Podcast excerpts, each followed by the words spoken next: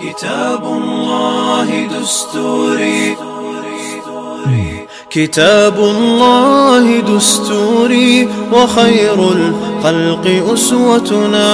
بسنته جلا نوري لهدي الحق أرشدنا. كتاب الله دستوري وخير الخلق أسوتنا. بسنته جلا نوري Alhamdulillah, rabbil alamin. العالمين والصلاة والسلام على رسول الله Uvaženi braćo, mi evo nastavljamo da se družimo sa knjigom Šeha Safeta, svojstva poslanikog namaza. Ovo je ujedno i naše zadnje druženje. Kako zadnje druženje pred Ramazan, jer u Ramazanu nema termina. A s druge strane, i eto Allah Đešano je baš dao da smo baš u potpuni da večeras ako da završajmo sa ovom knjigom. Ovi koji jednom kasni, oni uvijek kasni. To je tako da onaj, to sam kad se navika stekne. prošlom predavanju smo govorili od momenta kada je čovjek na ruku u namazu, pa smo govorili o ruku, povratku sa rukua, kijam, odlazak na seždu, seđda, druga seđda, sjedinje takozvana džilsetu el istiraha, kad čovjek nakon dvije seđde malo predani. Pa smo rekli da učenjaci po tom pitanju imaju tri stava, da je bilo ljudi učenjaka koji su smatrali da to se nikako ne praktikuje, ima učenjaka koji su rekli da se uvijek praktikuje, a jedno središnje mišljenje je da se praktikuje shodno potrebi. Ako je insan stariji, ako je bolestan, ako je umoran, nakon druge sežde, znači da sjedne bukvalno dvije, tri sekunde i da ustane na drugi rekat. Večeras počinjemo od tog momenta dizanje na drugi rekat. E, vaša čitaj. Dizanje na drugi rekat. Potom bi se poslanik sallallahu alejhi ve sellem digao na drugi rekat oslanjajući se o zemlju. U ovome kao i u drugim hadisima spomenuto je samo oslanjanje, bez preciznog, preciznog pojašnjenja načina. Međutim, zaključuje se da se radi oslanjanje na ruke, budući da se ne oslanja na koljena, niti se dizanje sa koljena naziva oslanjanje. U drugoj slaboj predaji stoji, dižući se, podupirao bi se svojim šakama. Dobro. Znači, ovdje dolazimo do momenta kako će čovjek ustati. Pogledaj, opet vam se ja vraćam na onaj moment koliko je namaz precizno prenesen od Božih poslanika. Čovjek hoće ustati, gotovo je sad, to možemo reći da je ibadet, ali znači nije bitno kako ćeš ustati na kijan. Ali su ashabi to prenijeli, pa znači preneseno je vjerodostojnim predajama da se Boži poslanik oslanjao prilikom ustajanja. Nije prenešeno kako, ali logično je nema ništa drugo osim da se osloni na ruke. Da li će na šake ili će znači na ruke. E, iako znači hadisi koji govori konkretno o tome da je se oslanjao na ruke su daiv. Dobro, ako klanjač... Ako klanjač ustane, ne oslanjajući se rukama od zemlju, ispravno je postupio jer je takav način dizanja prenesen od Alije, Ibn Mesuda, Ibn Omara, Ibn Zubeira i drugih ashaba. Znači, ne treba se čovjek mnogo time opterećivati, iako ako želi baš da mak na konac goni sunne Božih poslanika, onda će ustajati sa prvog rekiata na drugi, oslanjajući se na ruke. Ali ako to ne bi učinio, pazite, kad imate Ibnu Omer i znači mnogi neki drugi učenjaci od Asaba koji to nisu prakticirali, znači insan iza sebe ima jednu veliku e, plejadu ljudi koji su zastupali taj stav. E, ima samo za kraj, ovo nije nije pohvalno da klanjač ustaje prvo na jednu nogu, potom na drugu, osim ako ima validno opravdanje.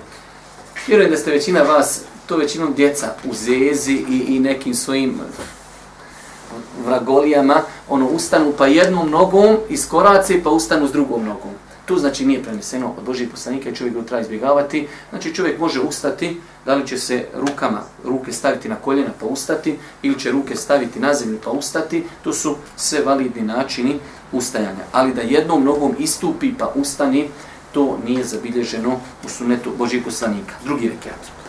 Na drugom rekatu bi počinjao učenje Kur'ana sa Elhamdulillahi Rabbil Alamin. Nakon toga bi činio sve što je činio na prvom rekatu, ali bi drugi skratio u odnosu na prvi rekat, kao što, kao što smo to prethodno pojasnili. Islamski pravnici su se razišli da li se na drugom rekatu uči Euzu billahi mine šeita nirvajim ili samo bismillahirrahmanirrahim. Obje skupine imaju dokaze koji su opće karaktera, tako da se može prakticirati jedno i drugo, to je saje uzom ili bez nje. Znači, pokušavamo u glavi imati taj naš namaz, da znamo gdje smo stigli. Bili smo na prvom rekiatu, obavili smo dvije sežde, vratili smo se na kijam. Sad smo na drugom rekiatu. Ši Safet nam pojašnjava sljedeću stvar, da, jer svakako kad učite da učite e, Fatihu, uvijek pri Fatihi ide Bismillah. Dobro, oko Bismillah nećemo se sporiti. Pitanje je da li treba opet učiti Euzu, jer smo Euzu proučili na prvom rekiatu. Pa učenjaci jedni kažu ne. Mi smo učili Euzu za prvi rekat, pa smo ošli na seždu, sad opet ustajemo, opet kažemo gospodarom, utječemo se tebi od prokletog šetana, da nam ne došaptavu namazu. To je jedno mišljenje. Drugo mišljenje kažu ne, ta jedna Euza na početku namaza, ona je dovoljna za cijeli namaz. Pa znači ne postoje jasni hadisi da je neko prenio da li je Boži poslanik počinjao sa Euzom ili nije. Već su to opći dokazi. Tako da insan, ako bi uzeo jedno mišljenje ili drugo mišljenje, ili pak nekada učio je uzu, nekada ne učio je uzu, znači sve su to ispravne stvari. E šta nam je ovdje još šest safet spomenuo? Od sunneta je znači da drugi rekiat generalno bude kraći od prvog. Pa na primjer, ako smo na prvom rekiatu učili suru koja je dvije trećine stranice, na, prvom, na drugom rekiatu lijepo je da učimo suru koja je pola stranice. Ako smo na prvom rekiatu učili stranicu, na drugom rekiatu učimo pola ili dvije trećine i tako dalje. U svakom slučaju, prvi rekiat i drugi rekiat, znači došao je čovjek i vratio se na drugi rekiat, sve će identično činiti kao što je činio na prvom rekiatu, uči Euzu, uči Bismilu, uči Fatihu, uči suru, nakon toga znači odlazi na ruku kao što smo pojasnili na prvom rekiatu. Nakon što znači prvi rekiat je bio, vratili smo se. Klanjali smo, učili smo Euzu, Bismillu, Fatihu i jednu suru, činimo ruku, vraćamo se sa rukua, odlazimo ponovo na seždu i sve smo to pojasnili u prvom rekiatu. Sad nakon drugog rekiata nam dolazi sjedinje. Znači ne postoji namaz, osim da nakon drugog rekiata imamo sjedinje. Može biti namaz da ima više od dva rekiata, ali nema namaz da ima manji. Osim vitre, ali vitre imaju, ajde da kažemo, verzija tri rekiata, ali da, da se sad time ne umaramo. Pa znači, nakon drugog rekiata nam dolazi tešehud. Da vidimo šta nam kaže Šeji Safet. Kada bi učinio dvije sežde drugog rekata, poslanik sallallahu alejhi ve sellem bi sjeo na umtrašnu stranu položenog lijevog stopala, a desno stopalo bi uspravio. Prste desne noge bi povio i usmjerio ih prema kibli. Stavio bi dlanove na koljena, u drugoj predaji stoji da ih je stavio na nadkoljenice bedra, a svoj desni lakat bi spustio na nadkoljenicu do kuka. Znači ovdje nam še prvo govori o fizičkom izgledu kako znači izgleda to sjedenje. Prošli put smo znači govorili da se desna, desno stopalo, podvrne mu se samo prsti i ostane ono ispravno, a da se lijevo obori znači e, na zemlju i na njega se sjedi. To je način kako se sjedi na drugom rekiatu uvijek u namazu. Rekli smo, kada je čovjek između dvije sežde, može nekad prakticirati da sjedne znači na svoje pete. Ali kad sjedi na tehijatu, nikako. E, ovdje nam je ših pojasnio, znači, da dlanovi, pošto sad sjedimo na tehijatu, šta ćemo sa dlanovima? Normalno čovjek sjedi, rekli smo kako će sjesti, dlanovi mogu da budu na stegnima i mogu da budu kao gore prema koljenima.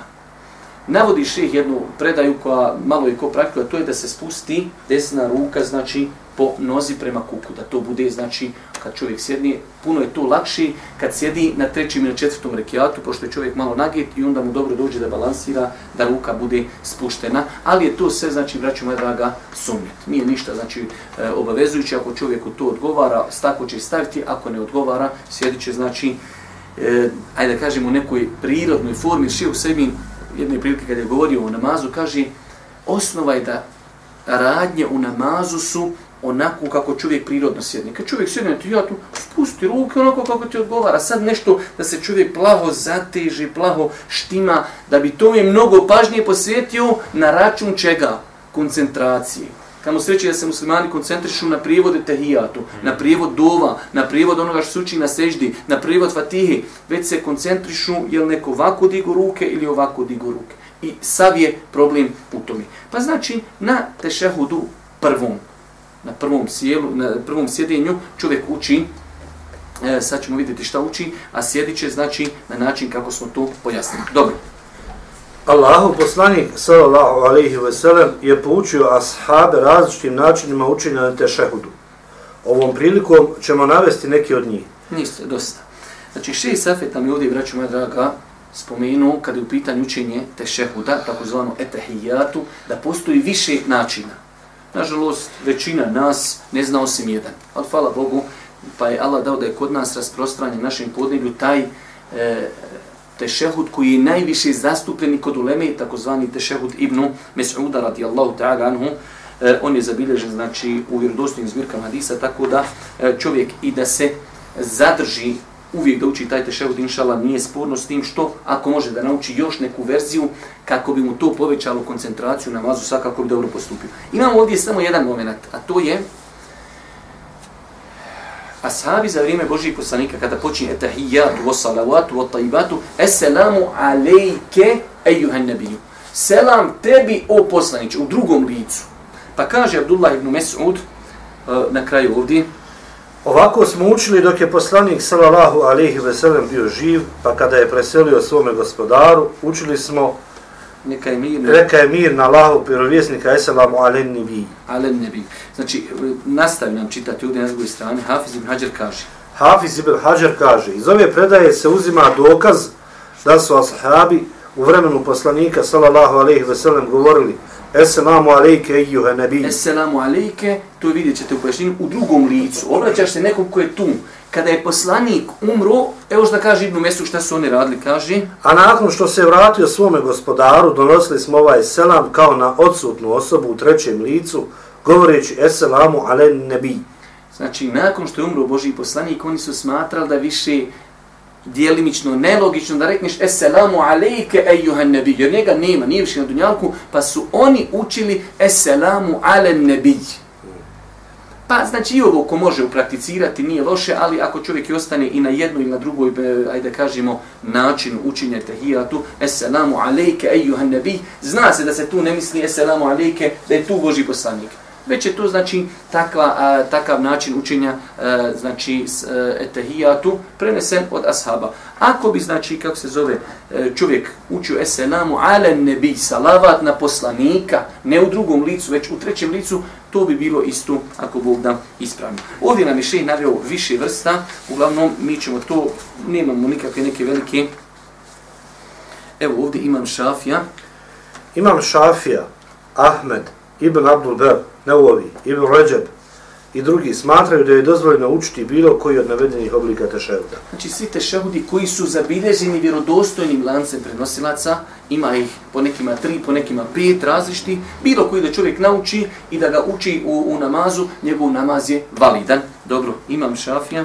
Imam šafija i Leis ibn Sad smatraju najboljim tešehud koga prenosi ibn Abbas zbog, zbog dodatka El Mubaraka.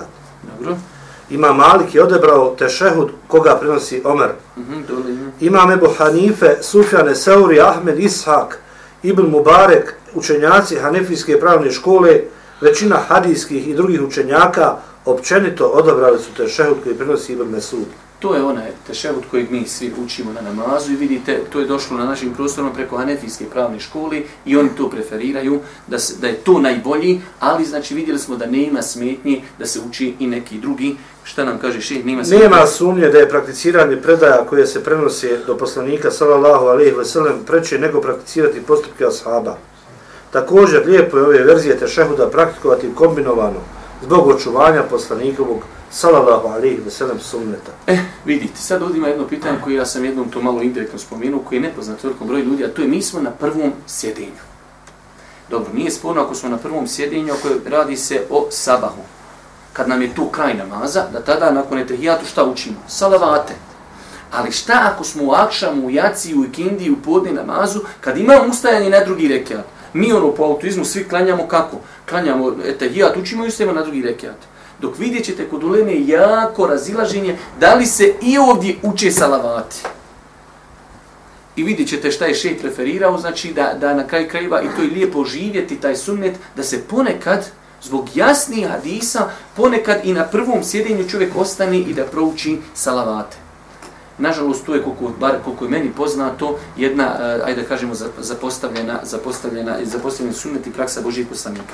Dobro, salavati na tešehudu. Allahu poslanik, salallahu alaihi ve sellem, je poučio ashabe da na razne načine donose salavate na njega. Ništa. Znači, poznato je kako se salavati donosi da to neće Allahumma salli ala Muhammedin wa ala ali Muhammed kema sallita ala Ibrahim wa ala ali Ibrahim inika hamidun majid wa barik ala Muhammed wa ala ali Muhammed kema barakta ala Ibrahim wa ala ali Ibrahim inika hamidun majid. To su salavati koji Boži poslanik ali se salatu wasalam podučio svoje ashabe. E, ima tu također nekoliko verzija vjerodostojnih. Ovo je neka najobuhvatnija verzija, nećemo se mi oko toga plaho, ajde da kažemo, zamarati, dok mi da dođemo do ovog pitanja da li treba učiti na, drugom, na prvom te, onaj, tešehudu salavate ili ne. Pa nam prijeđe ovdje... Islamski učenjaci se razilaze oko učenja salavata na prvom tešehudu. Jedni to smatraju legitimnim, drugi ne. Mhm. -huh. Imam neovi navodi konsenzus pravnika da ovi salavati posle prvog tešehuda nisu obavezni, već su pohvalni mustahab po mišljenju imama je šabija i većine šafijskih učenjaka. Međutim, izrazita većina pravnika smatra da učenje salavata na ovom mjestu nije ispravno. Vidite, znači imamo dvije stvari. Imamo prvo razilaženje je li ispravno, da li treba i ne treba, a drugo ako treba, kakav je propis. Znači imamo, prvo kažu, razilazi se da li to uopšte treba ili ne treba. Pa jedni kažu može, jedni kažu ne može. Dobro, ovi koji kažu ne može, sa njom smo završili. Ne može, idemo poslije etahijatu na drugi rekiat, na treći rekiat. Ali oni koji kažu može, kakav je onda propis toga? Dajte nam vi oci. Vi kažete mora. Mislim, treba to proučiti. Šta ćemo? Pa kaže, imam neve vi, oni smatraju da je to mustehab. Ok, nama je nekad i dobro da znamo da je mustehab, da to nije novotarija, da nije nešto uvedeno u vjeru. Ako je mustehab, znači nekad ćemo prakticirati, nekad nećemo prakticirati. Šej Safet je ovdje to razradio, hajde da kažemo, evo spomenut ćemo samo po, po jedan dokaz da bi, da bi išli ako Bog da dalje. Znači meni je bitno da vi shvatite. Kad smo na prvom tešehudu namaza četverorekijatnog ili trorekijatnog, mi smo proučili etahijatu i u većini slučajeva kod nas je praksa da se odmah ide na treći rekijat. Sada nas interesuje da li se tu može učiti e, salavati ili ne može. Pa većina ulemi kaže to nije legitim, ne treba učiti. Imamo dio ulemi koji kaže uči se, ali kakav je propis, oni kažu da je to sunnet i da je to pohvalna stvar. E sad da vidimo znači da li je to legitimno ili nije. Ibn Mesud prenosi Ibn Mesud prenosi da bi poslanik sallallahu alejhi ve sellem sjedeći na prvom tešehudu kao i na drugom učio etehijatu lillahi wa ashhadu anna Muhammeden abduhu wa rasuluhu. Na prvom sjedenju bi ustajao, ustao neposredno nakon proučenog tešehuda, a kada bi bio na drugom zadnjem sjedenju, dovio bi posle proučenog tešehuda, pa bi predao selam. Znači imam ovu predaju od Ibnu Mesuda, ovo je dokaz oni koji kažu ne treba. Kaže Ibnu Mesud, Boži poslanik bit će u tešehud i nakon tešehuda bi odmah ustao. Znači, logično je da je bilo to učenje salavata, onaj, oni bi to prenijeli. E, ovaj hadis upući samo dok pročitaj nam. Ovaj hadis upućuje da se na prvom sjedenju ne uče salavati nakon tešehuda, jer salavati predstavljaju dovu. A poslanik sallallahu alejhi ve sellem učio je dovu na zadnjem sjedenju prije salama kako ukazuje citirani hadis. Dobro, znači to je bio dokaz i rekli smo uvijek prvi dokaz ide najjači dokaz. Idemo sad druga skupina učenjaka koji kažu da je to propisano povremeno i da je to sunne da se neka klanja, šta kaže Aisha prenosi ovdje učenjaci. Aisha radijallahu anha prenosi da bi Allahu poslanik sallallahu alejhi ve sellem klanjao devet rekata vitra. Ne bi sjedio ni na jednom od njih sve do osmog rekata. Tada bi zahvalio Allahu, donio salavat na poslanika sallallahu alejhi ve sellem potom bi učio dovu, ali ne bi predao selam. Zatim bi se digao, klanjao deveti reka, zahvalio Allahu, donio salavat na poslanika, sallallahu alaihi wa sallam, učio dovu, a nakon toga bi predao selam. Ova predaja, Ova predaja spomnije da je Allahu poslanik, sallallahu alaihi wa sallam, učio salavate na prvom tešehudu. Znači, predovaj od Aiši koji smo spomnili kad je bilo govora o vitru. Boži poslanik kad bi klanio devet rekiata, tako bi ih klanio osam bi klanio, ne bi nikako zaustavio. Rekat po rekiat, rekiat po rekiat do osam. Na osam bi sjeo, pa je proučio je tehijatu, proučio bi salavate, zahvaljivo bi Allah, učio bi dove, onda bi ustao na deveti bez predavanja selama. Ustao bi klanio bi još ta jedan rekat vitara i onda bi opet sjeo, učio bi tehijatu, te salavate, dovu i predobi selam. Pa iz ovog hadisa opet vidimo da je Boži poslanik nekada to i činio. Dobro, da vidimo, e, prijeđi nam e, na drugu stranu preferirajuće mišljenje. Jest. Razmatrajući dokaze jedne i druge skupine učenjaka, uočavamo da su dokaze onih učenjaka koji zagovaraju učenje salavata na prvom tešehudu jednako jasni i jaki poput dokaza učenjaka koji zagovaraju da se ne uče salavati na prvom sjedenju. Iz ovog proizilazi da izostavljanje salavata na prvom tešehudu ne utječe na ispravnost namaza, a onaj koji prouči ima nagradu djela mustahaba, a Allah najbolje zna. Vidite kako je še pomirio između ta dva stava. Ima čovjeka koji kažu ne treba učiti i donesu dokaz da je Boži poslanik nije učio. Imaju drugi dokaz gdje se spominje da je učio. E onda kaže šejh, to je tako. Da to se ne smije izostaviti, ne poslanik izostavio. Pa znači to nije obaveza.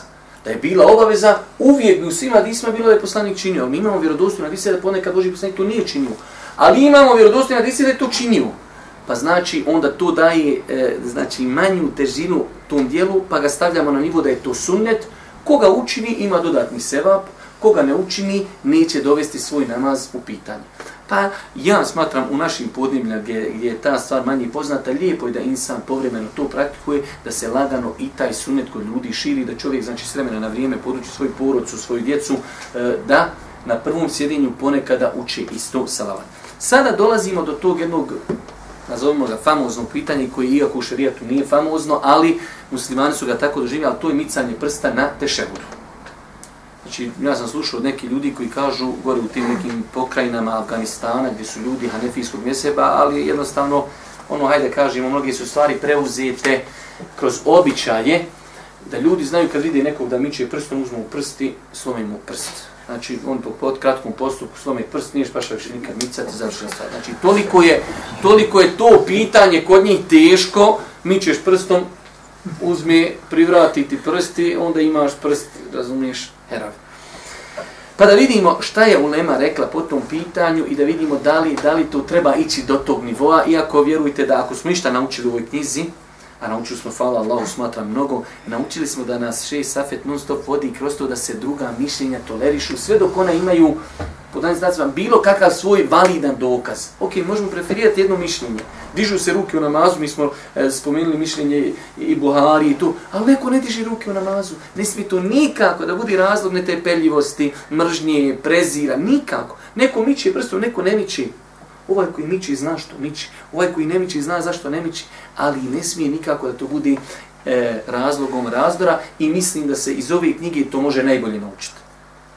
I sjećam se e, predgovora Šeha Semira Imamoća kada je pisao za ovu knjigu, pa je on tu baš spomenuo, kaže Šeha Safet kroz ovu knjigu nas baš uči toleranciji svih stavova i respektu lemi i poštovanju i da se ti stvari, znači neke koji su suneti, ne smiju da budu razlogom nikako razdora među muslimanima. Pa dobro, šta nam kaže? Pomiranje, kaže prsta na tešahudu. Allahov poslanik, sallallahu alaihi ve sellem, svoj desni dlan stavio bi na koljeno desne noge ili na natkuljenicu. Skupio bi prste u šaku, osim kaže prsta, kojim bi pokazivao pravcu kible. Okay.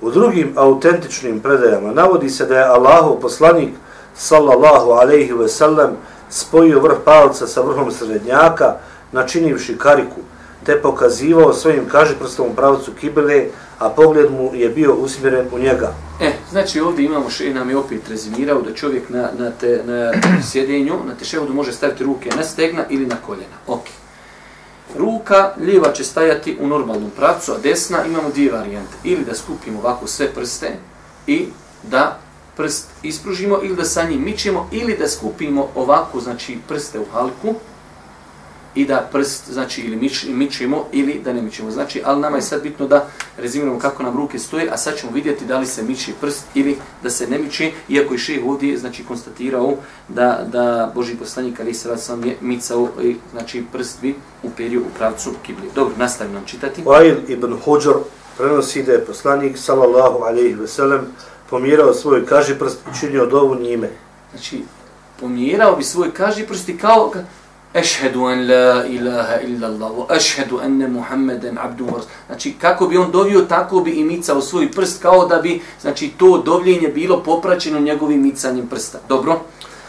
U komentaru ovog hadisa, Ebu Tajib Abadi kaže, u njemu je dokaz o stalnom pomjeranju, kaže prsta. Dobro. Ibn Omer prenosi da je vjerovijesnik, sallallahu alaihi ve sellem, kazao, pomjeranje prsta je šeitanu teže od udaranja železom. Abdullah ibn Zubeir prenosi da je poslanik sallallahu alejhi ve sellem pokazivao svojim prstom u namazu dok je učio dovu, ali ga nije pomjerao. Sad imamo drugu predaju.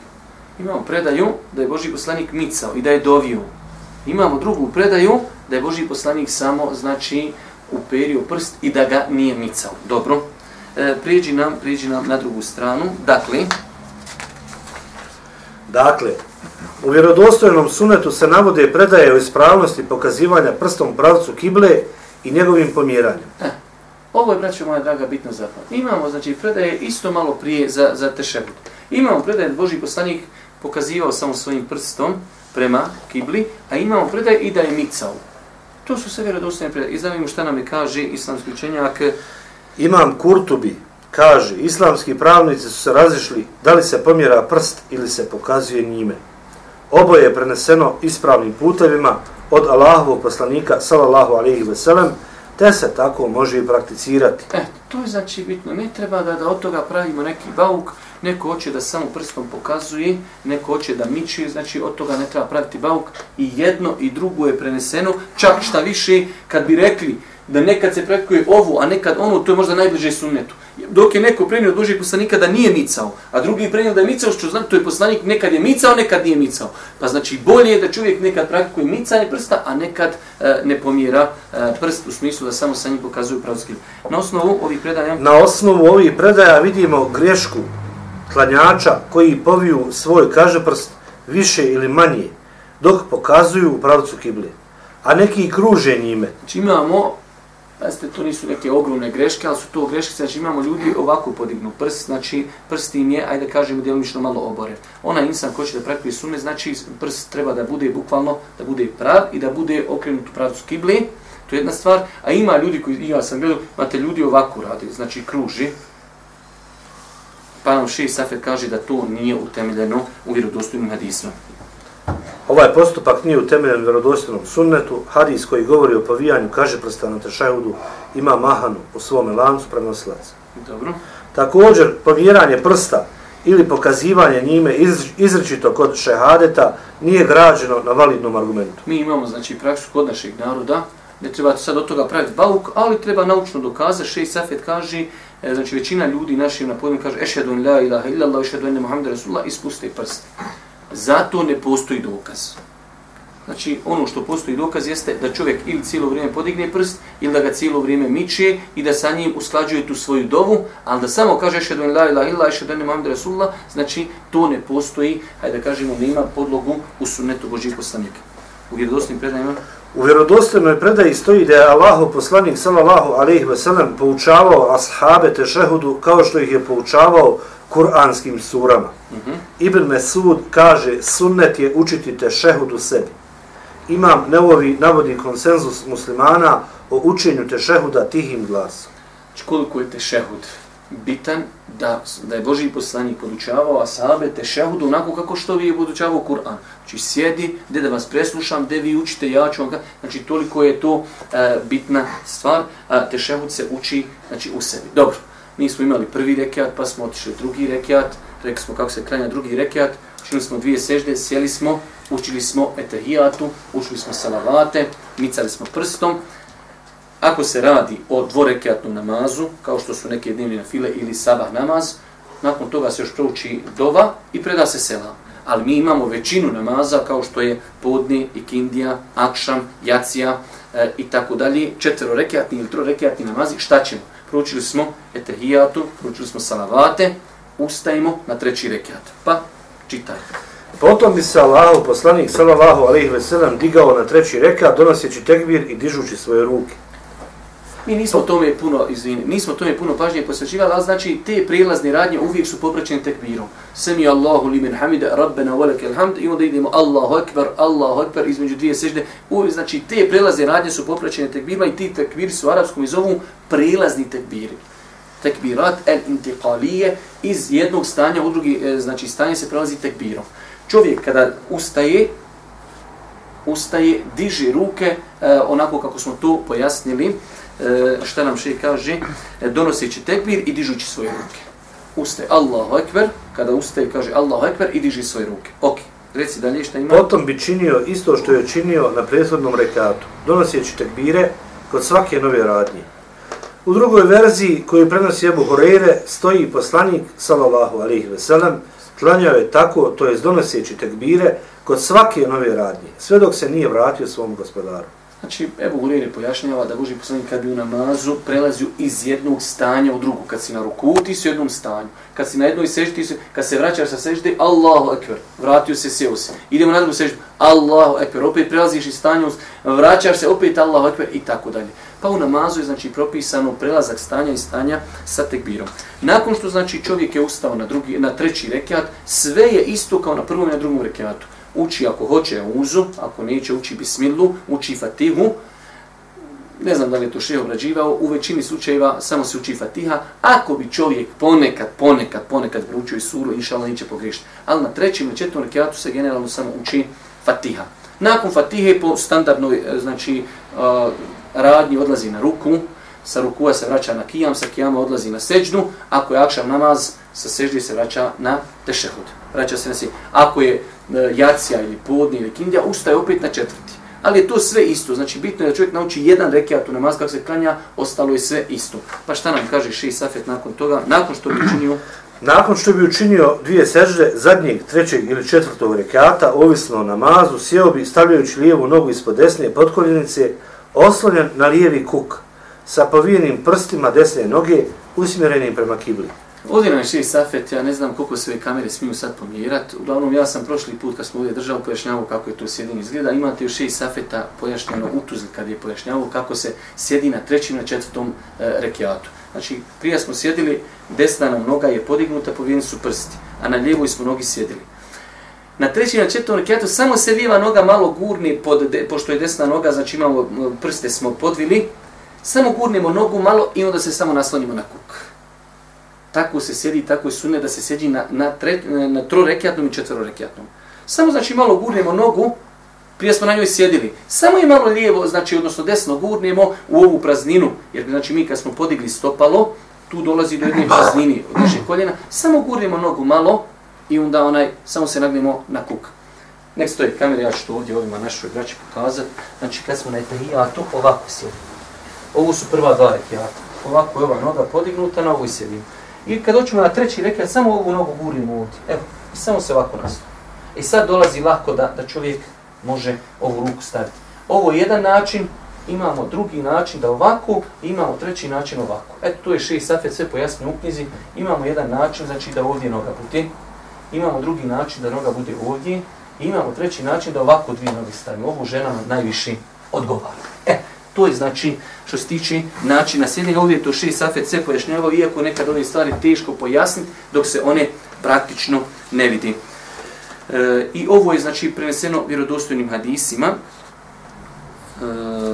ovo zadnji nam. Također, Tako... znači šest safet je ovdje pojasnio pra, e, pisajući kako to izgledaju taj način sjedinja. E onda kaže, također Ibn Omer je sjedio... Također Ibn Omer je sjedio oslanjajući se na lijevi kuk. Ovo mišljenje zastupaju Isak ibn Rahavej, učenjaci Malikijske, Šafijske i Hanbelijske pravne škole nema razlike u sjedinju u namazu između muškarca i žene. Okay. Hanefijski pravnici Sufjan Eseuli smatraju da se na zadnjem tešehudu sjedi kao na prvom. Ovo nam je bitno, braću moja draga. Znači, ovo, sve što smo spomenuli, to je samo sunnet. E, prvo treba paziti ovako sjedinje iziskuje od čovjeka malo više prostora, jer čovjek znači jednostavno kad se nagni nakuk, možda mu treba još dodati neki 10 cm, tako da kad klanja u džematu, ako su dobro safovi izbijeni, ne može tako sjest. Ili će sjest, ali će se na nekog nagijeti, ovaj će cijelo vrijeme, u višini će znaš šta učim, cijelo vrijeme kad jest mi ovaj komšija težak u namazu. Ali ako nisu safovi puno zbijeni, ako čovjek klanja sam ili ako čovjek klanja na kraju safa, znači ako osjeti da može sjesti, znači sješće tako, ali neće e, time uznemiravati nikoga, pod jedan. Pod dva, e, znači ljudi na našem podneblju to ne praktikuju i to je mezheb. Tako da ne treba čovjek, lijepo je da čovjek neka zna da ljudi nešto što ne praktikuju, oni u tome slijede imama Ebu Hanifu, imama Ebu Hanife bio veliki učenjak, tako da nisu to stvari koji treba da budu razlogom, hajde da kažemo, e, nesuglasica, ali insan, ako je to preneseno Božih poslanika, vjerodostojnim hadisom, ako to praktikuje, i ko što še navodi da je to stav tri pravne škole, zašto čovjek to ne praktikuje onda kada neće time izazvati nikakav problem?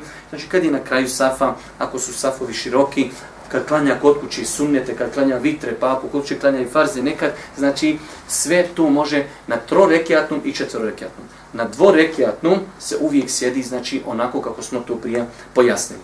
Dobro, traženje utočišta? Od četiri stvari. Ebu Hureyre prenosi da je Allahu poslanik, sallallahu alaihi ve sellem, rekao, kada budete na tešehudu, utječite se Allahu od četiri stvari. Allahu moj, tebi se utječemo ženemske patnje, kaburske patnje, iskušenja ovog i budućeg svijeta i od zla opakovog deđala. Znači imamo ovdje ova dova od nekih selefa je preneseno da su ih uzdizali do te mjeri da su znali svoji djeci kazati ne se proučio prije e, te, salava, e, stakfirullah, prije selama u dokaj nisam. Hajde kaže ponovi namaz. Jer je ovdje došlo e, kao u naredbenoj formi. Iako morate uzeti jedno veliko pravilo kad se radi o edebu, o dovama, i ako dođe nešto u naredbenoj formi, ne ide to na nivo vađba. Osim ako postoje neke takozvani e, karine ili neke stvari koji e, uzdižu tu naredbu na jedno dodatno mjesto da bude vađba. Ali generalno kad se radi o edebu, kad se radi znači o nekim e, znači ponašanju, tada ako dođe nešto u naredbenoj formi, ne ide odmah u startu, ne ide odmah u startu do e, do stepena vađibat. Pa tako i ova dova, znači, pohvalno je, pohvalno je da čovjek nauči, e, znači, ima dobro značenje, jako značenje, da čovjek ovu dovu nauči i da je praktikuje. Dobro, dova prije selama. Allaho poslanik, sallallahu alaihi ve sellem, na tešehudu bi molio svog gospodara raznim dovama. Ovdje nam je Šeji Safi spomenuo neke dove, ja ne želim da se time nešto mnogo umaramo, ali je došlo ovdje interesantno i zapamtiti, da je Boži poslanik rekao u jednom vjerodostoju predikaj summe li jahtar mine dua i maša. Nakon što prouči, znači ovu dovu, ono utjeći se Allahu četiri ove stvari, kaže neka nakon toga odaberi od dove šta njemu treba i šta hoće. Tako da čovjek znači e, jednostavno nije ograničen, ajde da kažemo samo nekom dovom koju on zna, e, ajde da kažemo naučio od Božih poslanika. Ako čovjek ima neku svoju potrebu, sad imamo tu ono poznato razilaženje da li se u farz namazima može i učiti na svom jeziku. Ja sam prevodio fetve od Šiha bin Bazi i davao sam dugo vremena ne fetvu, ali to prenosi od njega, da može, ali ipak u farz namazima je bolje da čovjek se e, skoncentruje da ostane na dovama ili kuranskim dovama ili sunnet, dovama Boži, e, sunneta Božih poslanika ali se latu veselam ili da to budu dove na arapskom jeziku.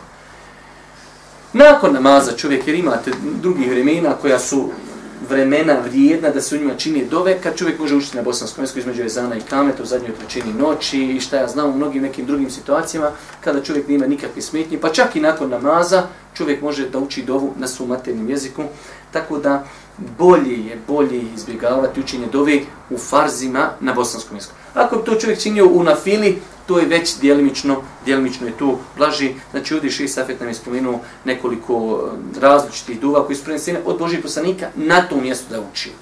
Iako znači mi smo otvorili ta vrata da kažemo da je Boži poslanik rekao neka odaberi od ove šta hoće. Pa se znači može ovdje uzeti, vi imate onaj sat, otišao je. Kad si rekao da će... 5 minuta. Pola deset. 15. 15. 15 će doći već. Pa evo sad 15 doći snimaj. Nije, Nije, nije to. Pola sad, Šta je u meni? Aaaa, tamam, tamam. Ja sam punktu rekao da smo dobro hvatili. Predavanje selam. Nakon što smo, znači, šta smo imali? Imali smo učenje tešehuda, imali smo učenje salavata, imali smo učenje dovi o neutjecanju četiri stvari, imamo, ako čovjek hoće da još nešto dovi, da ima vremena nek uči, nakon toga predajemo selam i time se završuje namaz, da vidimo što nam kaže Ši Safet. Selam je elementarni dio rukn svakog namaza po mišljenju izrazite većine islamskih pravnika. Prvo, znači, Ši nas podučaje propis. Jer imate, imate neki učenjaka koji kažu, ne daj Bože se desi čovjeku, sve si sklanio, prvo učio si sve i sad ne daj Bože neko izgubi abdest. Osnovno samo da rekni selam, ali, ali uh, izgubio abdest. Šta će? Ako reknemo da je predavanje selama šta? Vađib, da je rukn, moraš ponoviti namaz. Ako reknemo nije rukn, dobro, ti si sve proučio, alhamdulillah, znači e, tvoj, to što si izgubio abdest, ne moraš ponavljati namaz. Pa ako konstatiramo i kažemo predavanje selama, makar na jednu stranu, kao što ćemo vidjeti sada će šest safe to preferirati, makar na jednu stranu čovjek ako ne preda selam, prije toga izgubio abdest, mora ponoviti cijeli namaz. Pa znam, ši Safet prvu stvar tako vam ide uvijek u redosledu fiku, prvo se pojasni propis. Pa smo naučili iz ove njegove izjavi da je predavanje selama temeljna stvar, bez njih ne možemo. Nikako. Temelj. Dobro, nakon toga da vidimo šta kaže. Poslanik sallallahu alejhi ve sellem predao bi selam na desnu stranu riječima Assalamu alaikum wa rahmetullahi. Wa rahmetullah, ništa više. Neka je Allah mir i blagoslov na vas. Uh -huh. I na lijevu stranu riječima Assalamu alaikum wa rahmetullahi. Imamo, znači, standardnu neku nazovimo i frazu da je Boži poslanik predavao dva selama i na ovaj način. Znači imamo, pazite, dvije stvari. Preda, jer ćemo poslije isključiti jednu. Predavao bi selam na desnu stranu, predavao bi selam na, na lijevu stranu, Assalamu alaikum wa rahmetullah, na lijevu, na desnu, i Assalamu alaikum wa rahmetullah na lijevu. To je neka, nazovimo i najstandardnija, znači najstandardniji način predavanja selama, da se preda na desnu, da se preda na lijevu. I da se preda na ovaj način. Dobro, da vidimo šta nam još kaže. Ponekad bi poslanik sallallahu alejhi ve sellem dok bi predavao selam na desnu i lijevu stranu dodavao ve, ve berekatu. Wa barakatuh. Znači ima, sad imamo opet, opet ostajemo, predajemo na dvije strane, od zašto mogu govorim, zato što ćemo malo poslije isključiti jednu stranu. Opet predajemo selam na dvije strane, ali dodajemo wa barakatuh. Assalamu alaikum wa rahmetullahi wa barakatuh. Assalamu alaikum wa rahmetullahi wa barakatuh. Ponekad. I lijepo je to ponekad i prakticirati jer je to sunet Boži poslanik. Ali i dalje smo ostali gdje? I dalje predajemo selam i na lijevu i na desnu stranu. Pa imamo znači prva, prvi način, to je naj, najstandardniji, i na desnu i na lijevu stranu. Esselamu alaikum wa rahmetullah, esselamu alaikum wa rahmetullah. Imamo drugi način koji ponekad i na desnu i na lijevu, esselamu alaikum wa rahmetullahi wa barakatuh. Dobro, nastavljamo. Ponekad bi vjerovjesnik sallallahu alejhi ve sellem predavajući selam na desnu stranu rekao Assalamu alaikum wa rahmetullah. A na lijevu Assalamu alaikum. Mm -hmm. Sad imamo opet lijevo i desno, ali smo lijevu stranu malo smanjili. Imamo Esselamu alaikum wa rahmetullah, Assalamu alaikum. To je treći način. A sve smo ovo govorimo, šta smo rekli? Govorimo o i desno i lijevo. Imamo prvu metodu na poznat Esselamu alaikum wa rahmetullah, Assalamu alaikum wa rahmetullah. Imamo Esselamu alaikum wa rahmetullah wa barakatuh. Assalamu alaikum wa rahmetullah wa barakatuh. To je drugi način. Imamo treći Esselamu alaikum wa rahmetullah. Assalamu alaikum. Tu su tri načina kada predajemo selam na obje strane. Dobro. Sve je to zabilježeno u vjerodostojnom hadismu Božih poslanika. U sunnetu. U sunnetu Allahovog poslanika sallallahu alejhi ve sellem postoji četvrti način predavanja selama i to okrećući lice blago na desnu stranu riječima Esselamu alejkum. Ovo je znači četvrti način. Da čovjek samo malo nagne lice na desnu stranu i kaže Esselamu alejkum i na taj način završi namaz. Shodno ovome i sad ćemo se upoznat sa jednim novim pitanjem, to mi cijelo vrijeme govorimo o dva selama, pa sam vam rekao, pazite, islam je praktičan. Islam je praktičan. Sad vam dođe neko e, posle sjela i kaže, evo, meni se noćas desi, klanjam namaz i preda selam na jednu stranu i izgubim abdest. Je li mi namaz validan ili nije? Pa moramo znati propis selama generalno, da je to temeljni dio namaza, ali dobro, je li oba selama ili jedan? Da je predavanje selama na oba dvije strane rukn, ne bi poslanik mogu nekad namaz završiti samo predavajući selam na jednu stranu. Šta nam to ukazuje?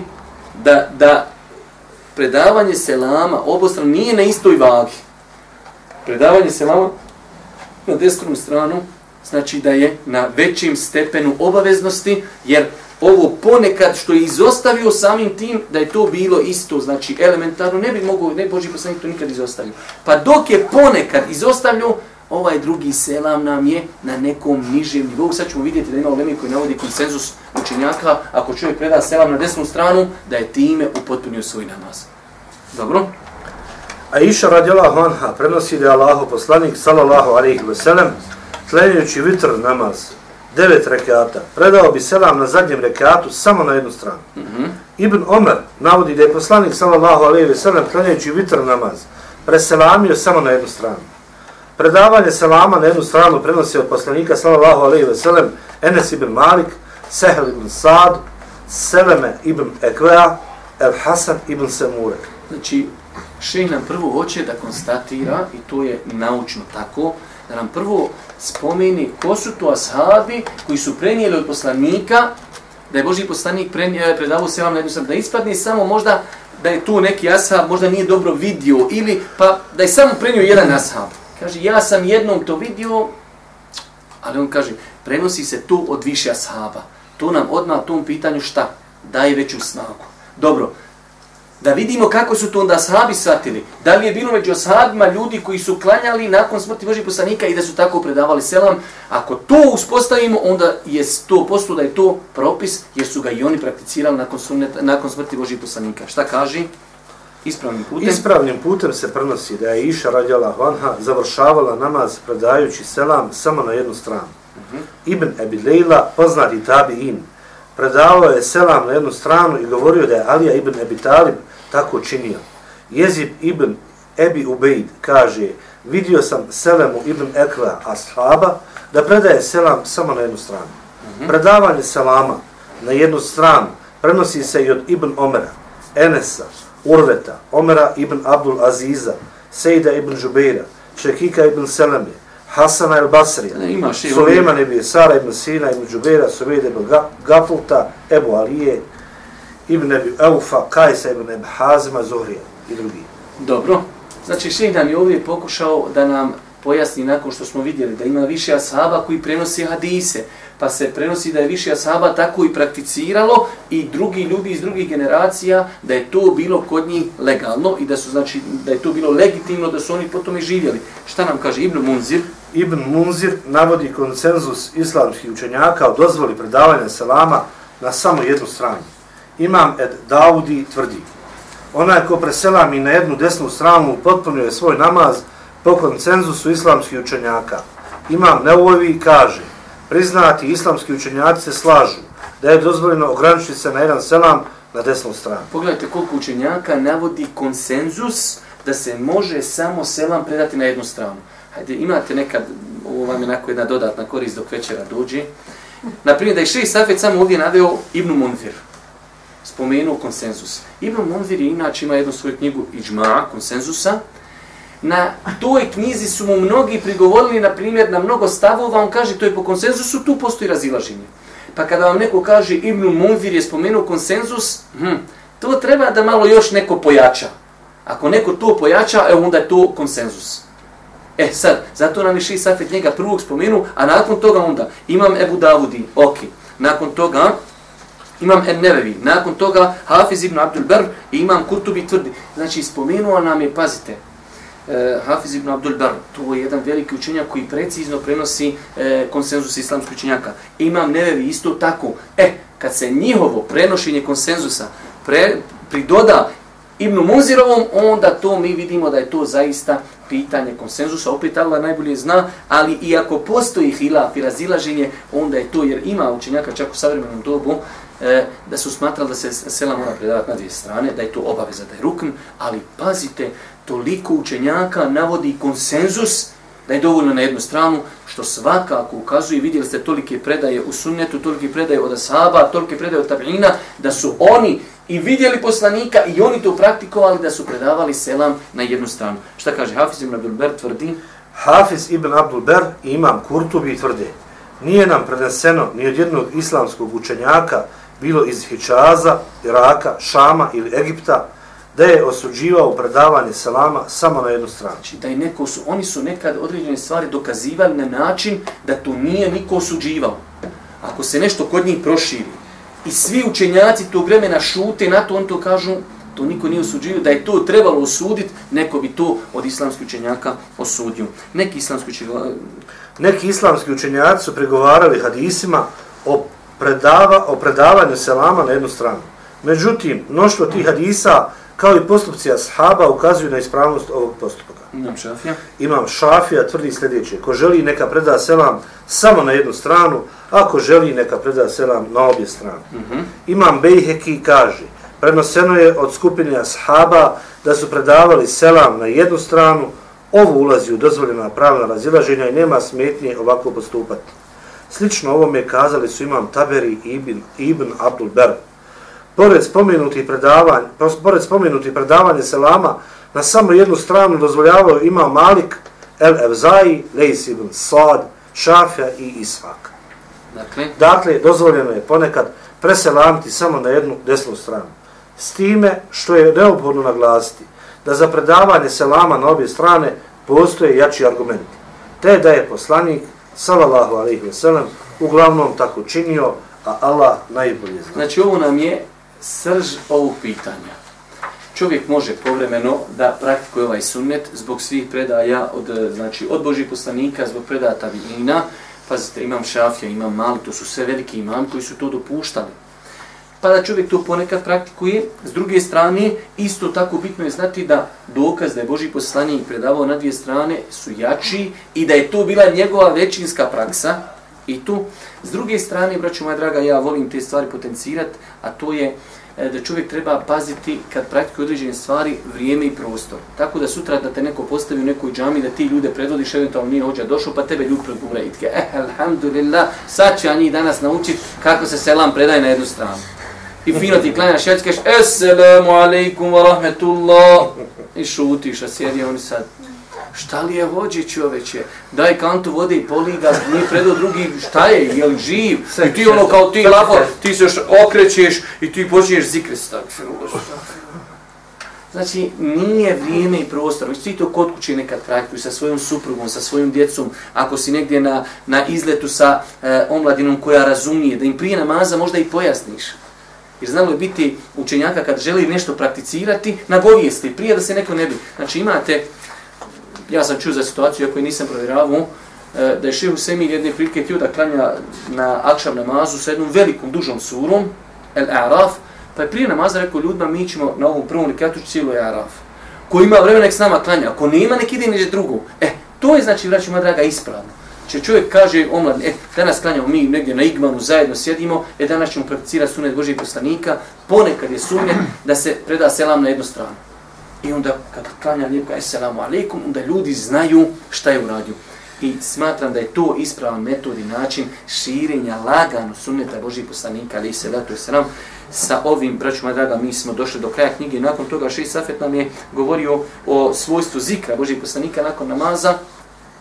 Tu se većinom vraća na dove koji Boži poslanik učio, e, pošto dove e, i teže izgovarati i transkripcija, mi ćemo to preskočiti, nama je bitno da smo došli do kraja namaza, e, zikr se svakako čini e, pojedinačno, ne čini se grupno, činjenje grupno e, zikra nije zabiljen Boži poslanika ni prvih generacija, tako da e, ko hoće da, da se dodatno edukuje, nek nabavi knjigu Šija Safeta i nek nauči dove koji su prenesene od Božih poslanika, ali se sam da je učio nakon namaza, Ja molim Allah Đeršanu da u Kabulu ono što smo radili, molim Allah Đeršanu da nas učiti na putu istine, da nam podari sabura i kuveta, da praktikujemo i živimo po onome što smo naučili. Svakako, svi smo dužni, ono dužni, e, da se sjetimo našeg šija Safeta Kudzovića u našim dovama, jer je zaista uradio nešto veliko. Ova knjiga je sigurno historijska knjiga, mi sad živimo u vremenu u kojem on živi. Koliko će Allah Đeršanu dati ovom umetu da ostane živjet, Mi to ne znamo, ali ovo zaista historijska knjiga da je neko s naših podneblja napisao ovakvu knjigu komparativnog fika sa ovakvom tolerancijom, sa ovakvim respektom, znači vjerujem da dugo vremena neće niko trebati pisati ništa na ovu temu. Može pisati nešto sporedno, ali o namazu u komparativnom fiku mislim da je Šeji Safet tu znači stavio tačku na slovo i i zaista molim Allah Đelšanu da da ga uči na putu istini i da nam još takvih lijepih knjiga napiše subhanakallahumma da bihamdike ashhadu in la ilaha illa anta astaghfiruka wa etubu ilaik